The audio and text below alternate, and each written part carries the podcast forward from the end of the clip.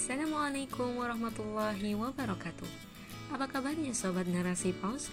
Jumpa lagi bersama saya Armina Azza dalam podcast Narasi Pos Narasi Pos Media Cerdas dalam literasi Bijak menangkap peristiwa kunci.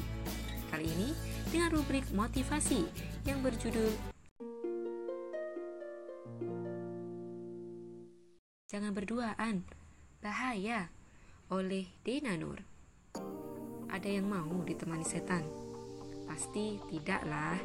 Yakin tidak ada yang mau dekat-dekatan dengan setan, apalagi sampai ditemani. Tapi faktanya banyak loh yang tidak merasa kalau mereka tengah ditemani setan. Dikipasin sama setan sampai terlena, tahu-tahu sudah jauh melakukan kesalahan hingga berujung penyesalan. Sobat sekalian, pasti sering mendengar perkataan, "Jangan berduaan saja, awas Nanti yang ketiganya setan. Orang tua sering kali mengatakan hal ini kepada anak-anaknya dalam bergaul dengan lawan jenis. Maksudnya adalah supaya hati-hati, jangan kelewatan dalam berteman hingga lupa aturan. Perkataan ini sesungguhnya sesuai dengan hadis Rasulullah SAW yang diriwayatkan oleh Ahmad. Barang siapa yang beriman kepada Allah dan hari akhir, maka janganlah ia berholwat dengan seorang wanita tanpa ada mahram wanita itu, karena setan menjadi orang ketiga di antara mereka berdua. Berholwat itu artinya berduaan dengan lawan jenis tanpa disertai mahram. Hukum berholwat atau berduaan tersebut adalah haram. Dalilnya sudah jelas ya. Holwat atau berduaan ini bisa dalam dua keadaan. Pertama, bila laki-laki dan perempuan asing berduaan saja dalam satu tempat tanpa ada mahram yang menyertai. Kedua, manusia lawan jenis yang tidak terikat tali pernikahan tersebut sengaja berduaan, menepi dan menjauh dari keramaian agar terhindar dari pandangan orang. Merasa bebas deh melakukan apa pun. Kedua, bila laki-laki dan perempuan yang bukan mahram berada di satu tempat yang disertai dengan keberadaan orang lain di sekitar, namun pembicaraan hanya di antara keduanya saja, meski banyak orang, tapi keduanya asyik berbincang berdua saja tanpa melibatkan orang-orang yang berada di ruangan atau tempat yang sama tersebut, orang lain tak boleh ikut campur. Kedua keadaan tersebut bisa menimbulkan fitnah yang berbahaya. Kenapa? Pertama, Hal itu merupakan perilaku mendekati zina. Berduaan dengan yang bukan mahramnya adalah suatu bentuk perilaku mendekati zina yang terlarang. Allah telah tegas melarang perbuatan zina dan segala hal yang mendekatkan padanya. Seperti yang disebutkan dalam surah Al-Isra ayat 32, yang artinya, janganlah kamu mendekati zina, sesungguhnya ia adalah perbuatan keji dan merupakan jalan yang buruk. Kedua, ada setan yang menemani aktivitas berduaan tadi, setan menjadi pihak ketiga yang berada di antara kedua manusia berlainan jenis yang tengah berduaan dan melancarkan aksinya menggoda mereka. Setan menjadi pihak ketiga yang berada di antara kedua manusia berlainan jenis yang tengah berduaan dan melancarkan aksinya menggoda mereka. Setan membisikkan hal-hal yang indah namun terlarang, ia membuat manusia kehilangan rasa malu dan takutnya pada aturan Allah hingga begitu mudahnya berbuat maksiat. Ketiga, ada suatu potensi manusia yang rentan terbangkitkan bila terpapar oleh rangsangan dari luar pada keadaan tersebut. Rangsangan atau pemicu dari luar ini sangat buruk. Dalam artian, pemicu tersebut malah menyebabkan bermacam masalah berikutnya. Ditambah lagi, cara menyalurkan potensi tersebut juga salah kaprah bukannya menjadikan ketenangan dan kebahagiaan, malah justru menimbulkan kegelisahan yang terus menuntut untuk dipenuhi bagaimanapun caranya. Alih-alih ia tersalurkan dengan baik, yang ada beragam persoalan dan kerusakan semakin menjadi. Potensi manusia yang dibicarakan tersebut adalah naluri-naluri, yang salah satunya adalah naluri melestarikan keturunan, rasa suka, cinta, dan perhatian pada lawan jenis merupakan salah satu bentuk penampakan dari naluri melestarikan keturunan atau gorisah enau. Rasa ini muncul karena adanya dorongan dari luar, melihat sosok yang rupawan, kepribadian yang menawan, tutur katanya yang sopan, kepintarannya yang tak diragukan, hingga kebersamaan yang menjadi kebiasaan bisa menumbuhkan benih-benih cinta. Sesuai dengan namanya, Penciptaan naluri ini bertujuan untuk melestarikan keturunan.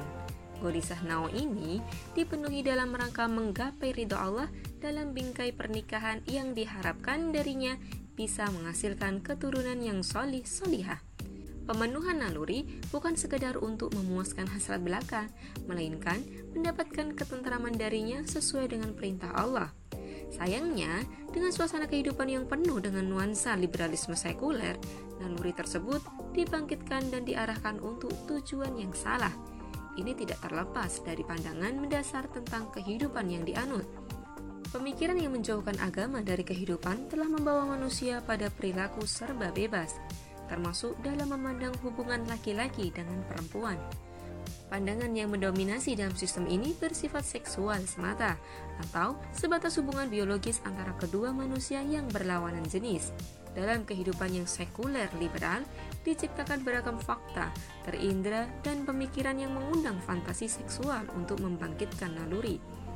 Hal ini adalah suatu keharusan agar hubungan laki-laki dan perempuan bisa terwujud dan keduanya mendapatkan ketenangan melalui pemenuhan naluri tersebut. Jadi, naluri sengaja dibangkitkan agar bisa dipuaskan bagaimanapun caranya. Ngeri ya? Seperti itulah cara kerja kehidupan yang serba bebas dan jauh dari aturan Tuhan. Hanya sebatas memuaskan nafsu belaka, maka tak heran bila pornografi dan porno aksi tumbuh subur di alam sekulerisme liberalisme. Berbagai tayangan porno terpampang di televisi, media sosial dipenuhi dengan konten-konten porno yang merusak akal dan akhlak. Teknologi yang makin canggih membawa serta sarana perusak moral manusia. Kejahatan dan pelecehan seksual terjadi di mana-mana tanpa bisa dibendung, apalagi diberantas.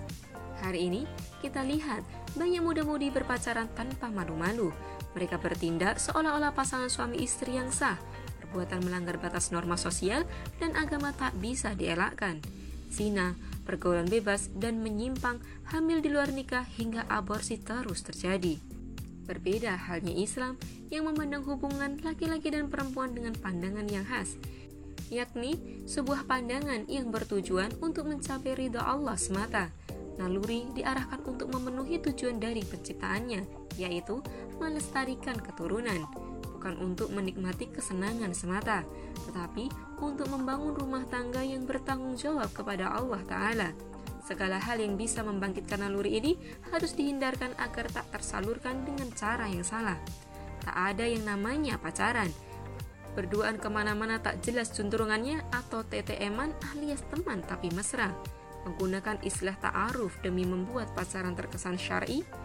Ini sesuatu yang salah kaprah parah Ta'aruf bertujuan untuk menikah, bukan menjadi kedok untuk menghalalkan pacaran yang diharamkan.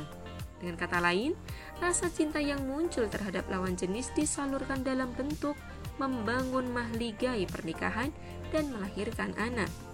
Jadi, kalau memang mau dan segalanya sudah siap, maka jangan berlama-lama. Segerakan niat baik melengkapi separuh agama demi Allah semata bukan karena takut dibilang jomblo, apalagi tak laku-laku. Bila belum ada kemampuan dan kesiapan menuju jenjang pernikahan, maka jangan sekali-kali mencoba bermain dengan perasaan, seolah-olah diri sendiri yang terlibat masalah. Bila hati mulai dilanda resah dan gelisah akibat perasaan cinta, maka segera alihkan pada hal-hal lain yang bermanfaat. Berbanyak membaca, mengaji, ikut kajian, atau beres-beres rumah juga boleh tuh. Islam menjaga ketat pergaulan antara lelaki dengan perempuan. Tujuannya bukan melarang sama sekali, namun untuk mengatur agar interaksi yang terjadi tidak menimbulkan kemudorotan. Dalam pergaulan, Islam melarang adanya ihtilat, campur baur laki-laki dan perempuan, berholwat, tabaruj, dan berhias di depan laki-laki asing bagi wanita. Islam juga melarang memandang lawan jenis dengan pandangan penuh syahwat melainkan senantiasa menundukkan pandangan. Itu semua untuk mencegah munculnya nafsu seksual yang bila tak diatur dengan baik bisa menimbulkan kerusakan. Meski dibatasi, Islam tetap membolehkan adanya interaksi lawan jenis dalam rangka tolong-menolong untuk kebaikan dalam bidang pendidikan, kesehatan, ekonomi, dan perdagangan serta yang lainnya. Tetap ada interaksi antara laki-laki dan perempuan guna memenuhi maslahat sesuai aturan syarat yang telah ditetapkan. Interaksi tersebut seperlunya saja dilakukan. Bila telah selesai urusan, maka harus segera pergi meninggalkannya dan kembali pada tempat masing-masing. Nah, jadi begitulah. Kita tetap boleh kok berbicara dengan teman pria selama memang ada keperluannya. Pertemuannya pun juga tak berduaan saja, tapi bisa mengajak teman perempuan kita untuk menemani. Bila tak ada yang menemani dan kondisinya benar-benar darurat, misalnya kecelakaan di jalan, maka tentu ada pengecualian. Pokoknya, selama keperluannya mendesak dan bukan yang dibuat-buat, masih diperbolehkan dan tidak diperlama-lama atau dicari-cari celahnya. Hati-hati, setan itu selalu siap sedia untuk menggelincirkan kaki kita. Lalu, bagaimana dengan obrolan lewat medsos?